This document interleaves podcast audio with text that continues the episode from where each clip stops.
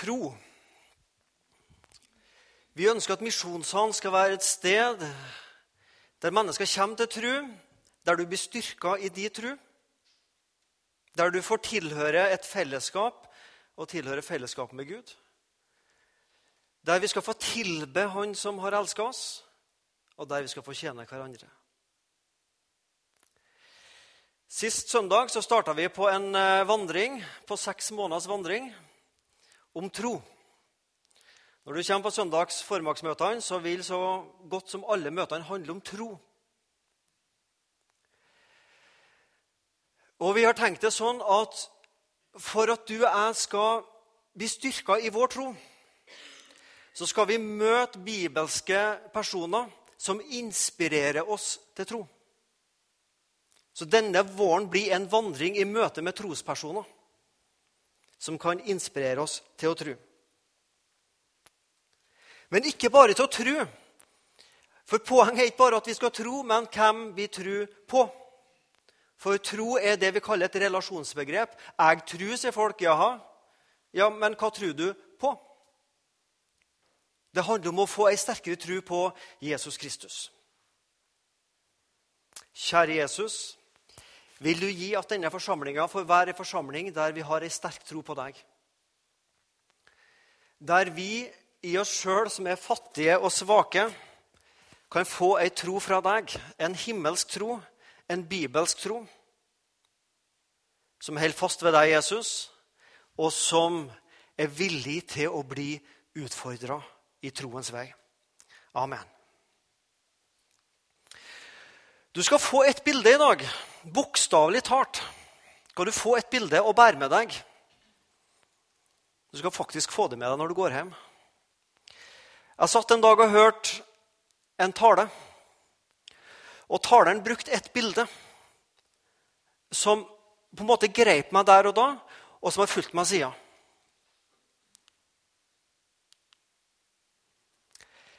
Et skip, sa han. Et skip ligger tryggest i havnen. Men det var ikke der det ble bygd for å være. Et skip ligger tryggest i havnen, men det var ikke der det ble bygd for å være. Det var en setning som jeg kjente, den slo inn i mitt liv, og den utfordra meg. Nå skal du få være med på en vandring i møte med noen bibelske trospersoner som valgte å ikke la sin livsbåt bli liggende ved havna, men tok den ut i sjøen. De vågde seg utpå. Det handler tro om å våge seg utpå, om å leve med bølgene som slår mot livsbåten og skroget ditt, om vind som tar fatt i håret ditt, og du kjenner at du lever. Det handler om å komme seg ut av sin komfortsone. Det er kanskje ikke et begrep vi bruker til daglig.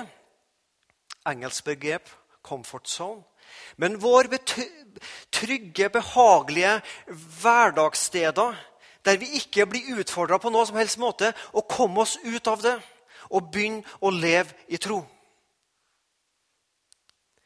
Det var iallfall det de gjorde, trosheltene som vi leser om i Hebreerne 11. Tro er tillit til Jesus. Det er tillit til Jesu frelsesverk. Det er avhengighet av Gud og av Jesu frelsesverk. Det handler om å overgi ditt og mitt liv til Gud og stole på Han. Å bli en kristen, det er å våge. Og du kommer til å møte ordet 'våge' i dag. Det er å våge å satse på at Jesu frelsesverk holder. Å våge å satse på at frelsen holder. Da kommer du til tro. Og det å leve i tro, det er å våge å satse på at det holder i dag. Troseksemplene som du nå skal få møte, de er forbilder, de er eksempler på et liv i tro, at et liv i tro er mulig, og at det er verdt å kjempe for.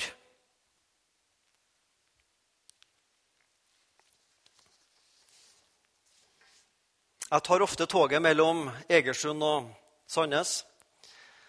eller til Stavanger. Det er mange små stopp, og nå skal du få være med på ei togreise som Egersund-Stavanger det er en time. Denne togreisa tar nok atskillig kortere tid enn en time. Men vi skal innom mange små stopp. Og et streiftog stopper på mange plasser. og Så stopper vi litt, og så tar vi på passasjerer og slipper av noen, og så går vi videre. Nå skal du få være med på en sånn togtur der vi skal ha mange stopp. Men vi skal ikke stoppe veldig lenge på hvert enkelt stopp. Så her må du følge med. Er du klar til avgang? Men tro er full visshet om det en håper, overbevisning om ting en ikke ser. For på grunn av troen fikk de gamle, altså de gammeltestamentlige trosheltene, godt vitnesbyrd. Ved tro skjønner vi at verden er blitt skapt ved Guds ord, så det en kan se, ikke er blitt til av det synlige. Tro, sier hebreerbrevets forfatter, som vi ikke vet hvem er, tro, sier han, er en livsholdning en livsholdning. Det du og jeg leser i Bibelen, det vi hører av forkynnelse, det vi erfarer, det vi opplever i samlivet med Jesus, det skaper en full overbevisning. Full visshet, overbevisning om at det er sant. Jeg tror på Jesus, sier vi. Ja, gjør du det? Gjør jeg det? Tro er overbevisning. Du tror ikke på Jesus Kristus hvis du ikke er villig å dø for ham. Dere har ikke en forsamlingsleder i misjonssalen som tror på Jesus hvis ikke han er villig, hvis ikke jeg er villig å dø for Jesus Kristus. Da er det ikke lenger en overbevisning for meg. En overbevisning er du villig å dø for. Et livssyn, en religion, er kjekk å ha når du trenger den. Og så gjemmer vi den når det blir for ubehagelig. Men en tro på Jesus Kristus er du villig å dø for. Det var i alle fall disse gammeltestamentlige trosheltene. De våga å tro det usynlige. Ja, ikke bare det usynlige, men den usynlige. At han er det mest reelle, han er sannheten i tilværelsen. Å tro, det er å bygge livet vårt på det vi ikke ser. Det er ingen av oss som kan rekke opp hånda og si 'Jeg har sett Jesus Kristus'. Iallfall konkret. Eller snakka med han. Men vi har gjort det i tro. Og vi satser livet vårt på det vi ikke ser. Det er tro. Det er vågalt. Første stopp Abel. Ved tro bar Abel framfor Gud et bedre offer enn Kain. Ved troen fikk han vitnesbyrd om at han var rettferdig, for Gud vitnet om hans gaver og ved sin tro taler han ennå etter sin død. Hva var det med Abel? Jo, det var hans trosholdning, hans offersinn. For også Kain ofra. Men Abel hadde et annet sinnelag. Det var altså ikke selve offeret i seg sjøl, men det var Abels trosholdning. Han ofra med et hjerte med takk og tillit. Hvis den sangen var skrevet på den gangen, så ville sikkert Abel ha sunget på den sangen. Jeg vil gjøre mitt liv til en lovsang for deg. Hvis du kjente igjen melodien. Jeg vil gjøre mitt liv til en lovsang for deg. Det er trosholdninga som Abel hadde. Jeg vet ikke hva slags trosholdning Kain hadde, men mulig at gudslivet var blitt en plikt, en religiøs plikt. Rutine. Kanskje kom han med offergaven sin uten frykt for Gud. Abel takk og tro og tillit. Enok, ved tro, eller i tro, som det står i andre bibeloversettelser, ble Enok rykket bort så han ikke skulle se døden. Han ble ikke funnet fordi Gud hadde rykket ham bort. For før han ble rykket bort, fikk han det vitnesbyrdet at Gud hadde behag i ham. Enok han kan du lese om i første Mosebok, kapittel 5. Det står at Gud tok han til seg det var eldrebølge den gangen, så han ble altså 365 år. Vi snakker om eldrebølgen i dag. Det er ingenting i dag mot det som var den gangen. De ble nesten opp mot 1000 år. vet du. Hva er det som er mer spesielt med Enok? Jo, han er et forbilde på at den som eier troa, har evig liv. Gud tar den som eier troa, til seg. Vi blir ikke tatt til Gud på den samme måten som Enok, at vi blir rykka bort sånn som Enok ble. Men det er et forbilde på at den som eier troa, en dag skal bli rykka inn og få være hos Jesus for evig.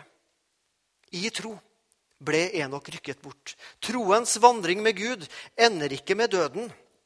men den ender i Guds evige himmel. Enok var på seilas mot himmelens land, og han fikk legge til havna i himmelen litt før enn oss andre. Men uten tro er det umulig å være til behag, til glede for Gud. For den som trer fram for Gud, må tro at Gud er til, og at Gud lønner den som søker Han. Kain hadde også ei tro, for han bar fram offer. Så her er det ikke bare snakk om å tro at Gud fins. Du kan gå ut på gata i Sandnes og spørre folk tror du Gud fins. Så vil du sannsynligvis få en statistikk på jeg vet ikke mange prosent, men mange vil tro at Gud fins. Men det er ikke samme som om at man lever i troa. Kristen tro er ikke å tro at Gud fins, men det å tro at Jesus er den som berger oss. Det er kristen tro. Islam tror at Gud fins. Mange religioner tror at Gud fins. Men du må også tro at Gud lønner den som søker Han, at den som lever i troa, skal finne frelse, mening i livet og utfordringer. Noah Kan jeg få et lite ekstra bilde der? Ved tro bygde Noah i hellig frykt. Ser du? Han kommer fram for Gud i hellig frykt. En ark til frelse for sin husstand, etter at han var blitt varslet av Gud om det som ennå ikke var sett. Ved tro fordømte han verden og ble arving til rettferdigheten av tro. Ved tro, ved tro, av tro. Hva var det spesielle med Noah? Det var mye spesielt med han. Men noe av det mest spesielle tror jeg var at han var villig, han våga å vise fram troa si offentlig. Han visste det hadde omkostninger. Kan du tenke deg det? Midt langt innpå land en eller annen plass, så begynner han å bygge en båt. Og Det tok visst flere år. Og så begynte folk og naboer å komme og se over gjerdet. Hva er det du holder på med? Holder på å bygge lekebåt til ungene dine, liksom, som de skal ha leke seg i? og Litt stor plass til kjæledyra, kanskje? At de kan ha med seg dem? Ser det katter og hunder som kommer som kjæledyr? og Etter hvert kom det kameler og elefanter og flodhester. Litt spesielle kjæledyr, kanskje. Han var villig til at sin tro ble stilt ut til offentlig spott og sple og latter. Han tok også den omkostningen godeste Noah. Villig til å våge hån og latter. Tro Jeg hører av og til noen si jeg tror det er en privatsak. sier folk. Hva jeg tror på det er en privatsak. Tro er alltid personlig men aldri privat. Tro er alltid personlig. Kona mi kan ikke tro for meg, eller foreldrene mine kan ikke tro for meg. Tro blir personlig, men det er aldri en privatsak. Tro lever vi ut offentlig. Sist sommer så var jeg i Kristiansand. og det var, Minstejenta var på en sånn fotballcup på Flekkerøya. Så En dag hun hadde trening, så dro kona jeg inn til sentrum i Kristiansand, Marken. Så kona hadde en del butikker hun skulle innom. Trenger ikke å beskrive det så mye. Så jeg fikk litt god tid. Jeg hadde en bokhandel jeg skulle innom, og når det var ferdiggjort, så hadde jeg god tid på meg. Så tenkte jeg nå, nå går jeg og tråler litt opp og ned langs Markens. Og så så jeg en, eh, to stykker som gikk nå med Jesus på seg. Det var eh, Kvartfestivalen, da, så de var ute og evangeliserte. Så de var ute og delte ut noen brosjyrer som så sånn ut. Så tenkte jeg nå skal jeg eh, ha et litt sånn artig eksperiment. Så litt bevisst så gikk jeg meg på han mannen som delte ut. Så spurte han ja, hva du deler ut. Jo, han deler ut sånn og sånn. Ja, om, ja, Begynte å forklare om Gud og Jesus. Så tenkte jeg nå skal jeg, eh, nå skal jeg prøve en litt her. Nå skal, jeg, nå skal, jeg, gjøre det samme med han som fariseerne gjorde, med Jesus. tenkte jeg. Skal sette han på prøve. Ja, kristen, ja, altså, Hva tenker du, spør han meg. Ja, ja, Gud, sånn vi er vel alle kristne, sa jeg. òg. så tenkte jeg nå skal jeg gå inn i rollen som en sånn vanlig allmennreligiøst menneske. Ja, jeg tror på Gud. Ja. Himmel? Jo, jo, jeg gjør det så godt jeg kan. Og, og liksom begynte med det her. Så tenkte jeg nå skal jeg se hva som bor igjen. Så kom vi på himmel. Ja, ja men alle kommer jo til himmelen. og Det er jo bare å være grei og god og snill. så Gud er jo glad i oss alle, aksepterer oss alle, og vi kommer jo alle til himmelen. sa jeg. Men det er jo noen som snakker om helvete, sa jeg, men du tror vel ikke på det? Jeg tenkte nå skal jeg prøve den. Nei, og så, eh, Han tenkte sikkert at her var det en som var litt sånn på avstand fra kristendommen. Men han var flott. altså. Han la ikke skjul på hva kristendom handler om, at det er også en mulighet å gå fortapt. Og han torde å snakke med meg om Jesus Kristus og utfordre meg i livet. Så vi holdt på sånn en kvarters tid, så sa jeg at eh, jeg er kanskje litt mer religiøs enn det du tror jeg er. Og så sa jeg hvem jeg var. Og han takka meg fordi jeg hadde utfordra han litt på det her. Men han var altså villig til å, å stå for det han trodde på. Jeg har vært inn på hjemmesida hans på internett og, og lest litt om den. Han har trykka opp to millioner sånne og sendt dem rundt til alle norske husstander. Så i, For en par år siden så tror jeg du også i din eh, postkasse fikk en sånn løpeseddel som er her. Jeg tror han har solgt hus og hjem og alt han har, mer eller mindre for å, for å satse på dette her. Nå sier ikke jeg det for at sånn skal vi gjøre det. Men han, var, han ville leve offentlig med sin tro og var villig til å ta omkostningene med det. Så får vi finne vår vei til å være som han og være som Noah. Tåle litt latter og litt hån, men å leve åpent med vår tro. Det tror jeg vi skal lære av Noah. Ved tro var Abraham lydig da han ble kalt, så han drog ut til det sted han skulle få til arv. Og han drog av sted uten å vite hvor han skulle komme. Ved tro levde han i løftets land som i et fremmed land. Han bodde i telt sammen med Isak og Jakob som var medarvinger til det samme løftet. For han ventet på byen med de faste grunnvoller, den som har Gud til byggmester og skaper. Abraham, troens far i Det gamle testamentet. Han våga. Og I disse versene så er det tre ting han våger. For det første, han våga oppbruddet. Han var lydig da han ble kalt til å dra ut. Han våga et oppbrudd.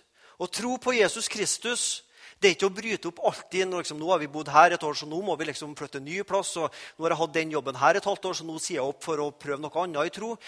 Det er ikke et sånt rastløst liv, jeg mener, men å ha en villig holdning til å være lydig, til å bryte opp når det trengs. Det er Abraham et forbilde. Han var villig, han våga å bryte opp. Han våga å leve i utholdenhet. Han måtte vente mange mange år før han så løftene oppfylt. Han fikk heller ikke se alle løftene oppfylt. Han bodde i telt sammen med sønn og barnebarn og slekt og familie. Han var en pilegrim i verden. Hadde utholdenhet. Jeg vet det er noe bedre i vente. Jeg våger oppbrudd, jeg våger utholdenhet, og jeg våger å vente på noe bedre. Byen med de faste grunnvoller. Dette er ikke mitt hjem. Jeg er en pilegrim på jorda. Jeg er på reis. Jeg er på seilas ut på åpen sjø på vei mot himmelen. Troa henter kraft og inspirasjon fra Jesus og Bibelens troshelter. Den leves ut i min hverdag, og den har blikket retta framover mot målet himmelen. Du henter inspirasjon av trosheltene. Du lever med de tro her i dag, og du har målet klart i himmelen. Ved tro fikk også Sara kraft til å bli mor for en ett, og det til tross for sin høye alder, for hun aktet ham trofast som hadde gitt løftet. Derfor kom det også fra en mann uten livskraft, en slekt så tallrik som stjernene på himmelen og som sanden ved havets bredd, som ikke kan telles. Abraham ca. 100 år, Sara ca. 90 år, og så skal vi ha unger. Dere er sånn midt i 20-åra, nærmer seg 30 etter hvert, begynner å få barn. Og så kan vi gange det med tre-fire. Der var altså Abraham og Sara. Ja. Som med en, fra en mann uten livskraft. Ja, det skjønner vi. Abraham og Sara fikk beskjed dere skal bli foreldre. Vi er noen her på 70 og 80 år, så kan du plusse på 10-20 år til. Så tenker du at du skal bli foreldre. Da ville du ha ledd. Det var jo akkurat det Sara og Abraham lo. gjorde. De lo. Men så fikk de tenke seg om en gang til. Og så sa de vi tror på det umulige, på det utenkelige. Vi satser på det vi Vi satser på det som er naturstridig og utenkelig, at det kan skje. Vet du hva som er mitt problem? Det at jeg altfor ofte satser på det jeg sjøl kan klare, hvis det nå viser seg at Gud ikke griper inn likevel. Tok du den? Mitt problem i troslivet det er at jeg satser og våger det som jeg sjøl vil klare, hvis det nå viser seg at Gud ikke gir ekstraordinære krefter til det likevel. Er det å tro? Nei, det er å leve i egen kraft. Men jeg tror å tro handler om å tørre å tenke det utenkelige kan skje. Du og jeg, iallfall meg, jeg tør bare det overkommelige. Og det å våge å tørre lite. I tro døde alle disse uten at de hadde oppnådd det som var lovet. Men de hadde sett det langt borte og hilste det, og de bekjente at de var fremmede og utlendinger på jorden. For de som sier slikt, gir derved til kjenne at de er på en seilas til et fedreland. Hvis det var landet de drog ut fra de tenkte på, så hadde de hatt tid til å vende tilbake. Men nå er det et bedre land de lengter etter, det himmelske. Derfor skammer ikke Gud seg over dem ved å bli kalt deres Gud, for han har gjort en stad ferdig til dem. Alle disse trosheltene på reis mot målet. Målet er fedrelandet. Men livet vi lever nå, det er seilasen. Det er ikke seilasen i seg sjøl som er målet, det er fedrelandet, himmelen. Men vi må være på seilas folkens, for å komme til himmelen. Vi kan ikke bare ligge i ei trygg havn og sitte og vente på døden, at vi skal nå fram. Ingen vinner frem til en evig ro, står det i en gammel salme. Som seg ei veldig fremtrenger. Kjemp da alvorlig, treng fremad med makt, om du vil himmelrik vinne. Kast deg ut på seilasen. Ved tro bar Abraham fram Isak som offer da han ble satt på prøve. Ja, han som hadde fått løftene, bar fram sin enbårne sønn, enda det var blitt sagt til ham, i Isak skal du få nett. Han tenkte at Gud også var mektig til å oppvekte fra de døde. Han fikk Isak tilbake derfra som et forbilde. Der gjør jeg det kort og enkelt. Klikk deg inn på vår glimrende hjemmeside misjonssand.no, og lytt på den talen som Arnfinn eh, Røyland hadde forrige søndag. Da preka han om det. Vers 20-22. I ved tro var det også Isak velsignet Jakob og Esau med tanke på det som skulle komme. Ved tro velsignet den døende Jakob hver og Josef sine sønner, og han tilba bøyd over knappen på sin stav. Ved tro tenkte Josef før han døde, på Israels barns utgang, og han ga forskrifter om hva som skulle gjøre med hans ben. Der blir det også et veldig kort togstopp. Vi går videre. Ved tro bar Mose foreldre, holdt Mose foreldre barnet skjult i tre måneder etter hans fødsel. De så at han var så vakkert et barn, og de fryktet ikke kongens put. Vi løfter jo ofte Moses fram som et forbilde, som en stor mann. Og for all del, det var han. Men har du tenkt over det? Moses ville aldri ha vokst opp og levd hvis det ikke var for at foreldrene hans hadde tro at de våga å trosse kongens påbud, for alle guttebarn skulle bli tatt livet av. Men Moses foreldre våga å skjule barnet. De våga å stole mer på Gud enn på menneskelige myndigheter sine forskrifter. Offentlig tro. Jeg tør å ta motstand.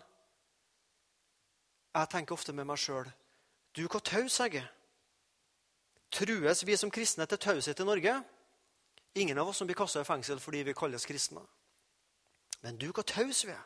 Og du, hvor lite vi tør å snakke om vanskelige ting og de guddommelige ting i eget liv og andre mennesker sitt liv. Ved tro nektet Moses da han var blitt stor og kalles far, sønn av faraos datter. Han valgte heller å lide ondt sammen med Guds folk enn å ha en kortvarig nytelse av synden. Han aktet Kristi vanære for en større rikdom enn skatten i Egypt, for han så fram til lønnen.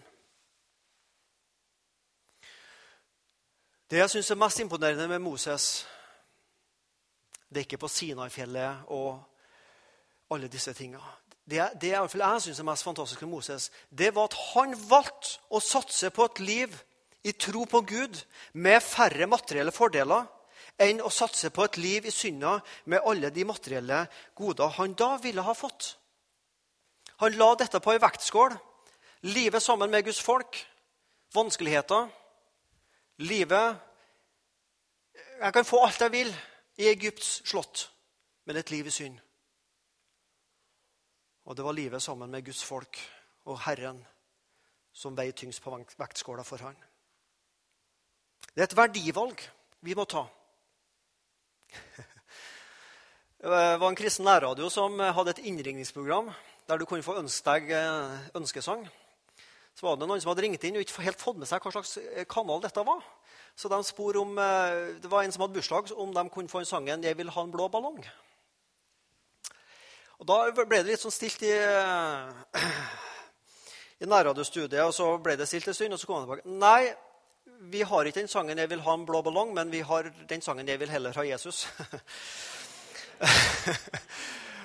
og det tror jeg jammen meg Moses sa. Jeg vil heller ha Jesus enn verdens gull og glitter og hva det nå er. Jeg vil heller ha Jesus, koste hva det koste vil. Du skal få en setning som jeg syns er vanskelig å si, og som ikke alltid er sagt når jeg sier den setningen her. Men du kan ta med deg den setningen, så får du smak på den. Den er veldig spiss.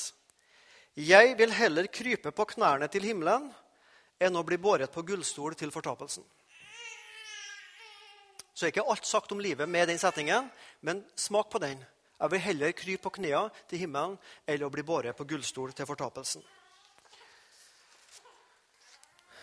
Ved tro forlot Moses Egypt uten å frykte for kongens vrede, for han holdt ut som om han så den usynlige. Ved tro holdt han påske med blodstrykningen for at ikke ødeleggeren skulle røre deres førstefødte. Ved tro gikk de gjennom Rødehavet som over tørt land. Men da egypterne prøvde på det, så druknet de. Moses våga å satse på for det første at Gud, Herren, er sterkere enn farao. Han våga å tro på påska og tro at blodet frelser fra døden. Troen skapes, og din og min tro den styrkes ved vår påskefortelling om Jesus. Og for det tredje, han våga å tro at Gud kan gjøre mirakler, det utenkelige, det naturstridige, som da Gud laga en vei midt gjennom Rødehavet. Det kan skje i dag også, på sin måte i dag. Ved tro falt Jerikos murer da israelittene hadde gått omkring dem i sju dager. Du verden, Hvis jeg hadde et videokamera og hadde mulighet til å reise tilbake i Bibelens tid og filme litt, så tror jeg jammen meg jeg blant annet hadde lyst til å være ved Jerikos murer disse dagene. Første dagen én runde rundt. Helt i stillhet. Sa ingenting. Ikke en lyd. Andre dagen, tredje dagen. Begynner å bli lei nå. Må det snart være nok nå. Hvorfor gjør vi noe så dumt? Jeg ser ikke på mange ting sånn, også blant israelittfolket. Men i lydighet så gikk de. Og Den sjuende dagen skulle de gå sju runder. Og så da på den sjuende runden skulle de da blåse i horn og rope alt de kunne. Og så kjenner vi historien at murene falt ned. Lydighet. Og gjør det akkurat sånn som Gud har sagt det. Vær lydig mot det, og vær utholdende. Rahab, skjøgen Rahab, ved tro unngikk hun å gå til grunne sammen med de vantro, fordi hun tok imot speiderne med fred. Hun våga å skjule speiderne. Hun våga Guds sak framfor min egen trygghet. Hun visste hvis det blir oppdaga, det jeg gjør, så er det sikkert hodet rett av. Men hun våga det foran egen trygghet og komfort. Hvor og hvorfor taler jeg lenger? Eller du spør hvorfor fortsetter du å tale? Du har holdt på lenge nok nå. Tiden ville ikke strekke til om jeg skulle fortelle om Gidon, Barak, Samson, Jefta, David, Samuel og profetene. Og fordi hebreisk forfatter sier sånn, så sier jeg amen til det. Tida strekker ikke til, så da går vi videre. Ved tro seiret de over kongeriker, håndhevet rettferdighet. De fikk løfter oppfylt, stoppet gapet på løver. Daniel. Slokket ildens kraft, slapp unna sverdets egg, fikk styrke etter sykdom, ble veldige i krig fikk fienders hærer til å vike. Kvinner fikk sine døde igjen ved oppstandelse, men andre ble pint til døde og avslo å bli kjøpt fri for at de kunne få del i en bedre oppstandelse. De hadde muligheten. Du kan slippe. Du kan slippe å bli kasta til løvene hvis du bare sier 'Jesus sto ikke opp'. Det er bare tull. Så skal vi ikke kaste deg til løvene. Men det kunne de ikke benekte. Jesus lever. Han sto opp. Andre igjen måtte tåle hån, hudstryking, lenker og fengsel. De ble steinet, gjennomsaget, fristet. De døde for sverd. De flakket omkring i saueskinn og gjeterskinn. Ikke fordi det var veldig kaldt, de måtte kle på seg, men for å skjule seg. De led nød, hadde trengsel og fikk hår medfart. Verden var dem ikke verd. De streifet omkring i ødemarker og fjelltrakter og holdt til i grotter og jordhuler. Og enda alle disse fikk vitnesbyrd for sin tro, så oppnådde de ikke det som var lovt. For Gud hadde forutsett noe bedre for oss, for at de ikke skulle nå fullendelsen uten oss. Hva er poenget her? Poenget er Kun disse gammeltestamentlige trosheltene holder ut så mange prøvelser og så mange trengsler pga. troa si, pga. Guds uoppfylte løfter. Hvor mye mer bør ikke vi som kristne i dag, som lever etter løftene er oppfylt i Jesus Kristus, våge å tåle det som de gjennomgikk? Når de kunne gjøre det uten å ha sett det, bør ikke vi som er troende i dag, leve i troa og våge å tåle mer for Jesus' sak? Vi som har sett Guds løfter bli oppfylt i Jesus Kristus. Det er forfatteren i Hebreerbrevet sitt poeng.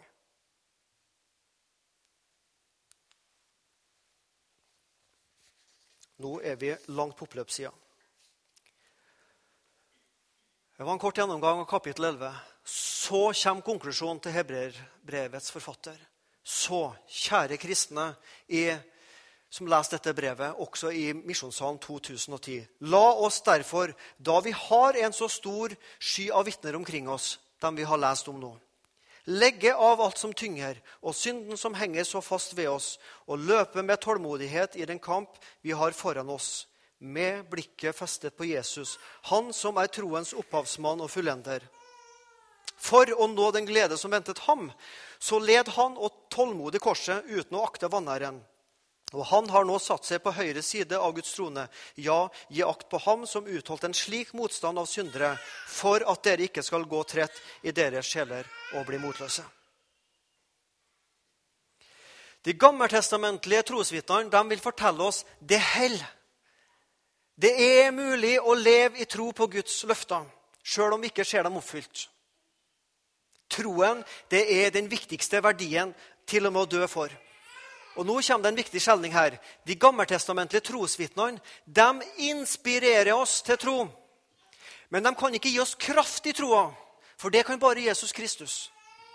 Jeg kan lese om Abraham og Moses, men de gir ikke meg kraft i troa. Det kan bare Jesus gjøre. For vi tror ikke bare på troa, vi tror på Jesus Kristus. På troens opphavsmann og fullender. Med blikket på Han. For 2000 år siden var Jesus også ute på en seilas. Han lå ved ei havn i himmelen, trygt og godt. Godt fortøyd. Lite bølger, stilt og rolig.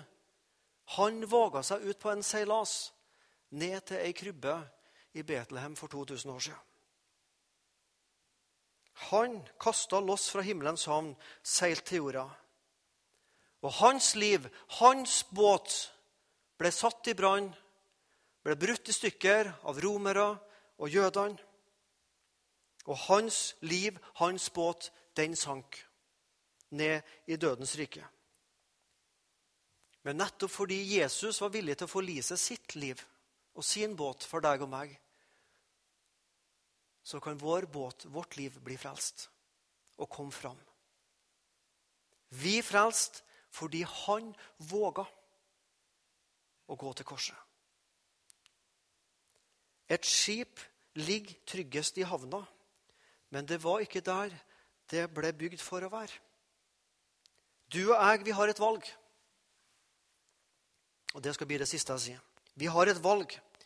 Vi kan la vår båt ligge i havna. Du vet hvor du er, du vet hva du har. Et stilt, rolig, forutsigbart liv. 2010 blir som 2009. Ikke store stormene i livet, kanskje. Jeg vet hvor jeg har. Jeg har min jobb, jeg har mitt studiested, jeg har min familie, jeg har min forsamling. Og så blir det iallfall sånn for meg. Nå skal jeg snakke for meg, for jeg tror Det skal alltid være sånn at forkynneren også skal tale til seg sjøl når han preiker. Eller hun preiker. I dag gjør jeg det ekstra, og tror meg på det. Jeg får noen tall på kontoen hver måned for å stå her og være i forsamlinga og gjøre tjenester. Det vet dere. Men jeg spør meg sjøl hvor mye utover det som jeg gjør som yrke, ofrer jeg for Guds rike? Jeg tar det til meg sjøl, men jeg tar det også til deg i dag. Vi kan ta et valg og la vår båt ligge i havna. Og så kan vi helt på flytte, flytte oss innenfor havna. Hjem, arbeid, forsamling. Og så liksom seiler vi rolig innenfor havna. Det er så trygt og godt her uten å bli utfordra. Eller vi kan ta det valget i 2010. jeg vil være ute på sjøen. For du får ikke fisk i havna. Og du får ikke gjort det oppdraget du ble skapt til å gjøre her i livet ved bare å ligge i ei havn. Det er farer ute på sjøen. Du kan kullseil, pirater kan komme og ta deg. Det skjær, det er havari. Men det handler om å ta noen risiko i livet og få noen slag mot båtripa di. Og få litt vind i seila og få litt fart i livet og kjenne bølgene slå mot skroget ditt. Det gjør at du sier, 'Det her er livet'. Nå ikke bare eksisterer jeg, men jeg lever. Jeg lever i tro. Du og jeg får ta et valg. Vil vi leve et trygt og forutsigbart og greit og stille og rolig liv? Og ta minst mulig risiko i 2010? Eller tør vi, tør jeg, å kaste meg mer utpå i 2010 og virkelig leve et liv i tro på at Gud er med? Kun de gammeltestamentlige trosvitnene, så kan vi. Skal vi si den setningen sammen? Jeg teller ned fra tre, og så sier vi den sammen. Tre, to, én. Et skip ligger tryggest i havnen, men det var ikke der det ble bygd for å være. Gud velsigne deg til å leve et liv i tro. Amen.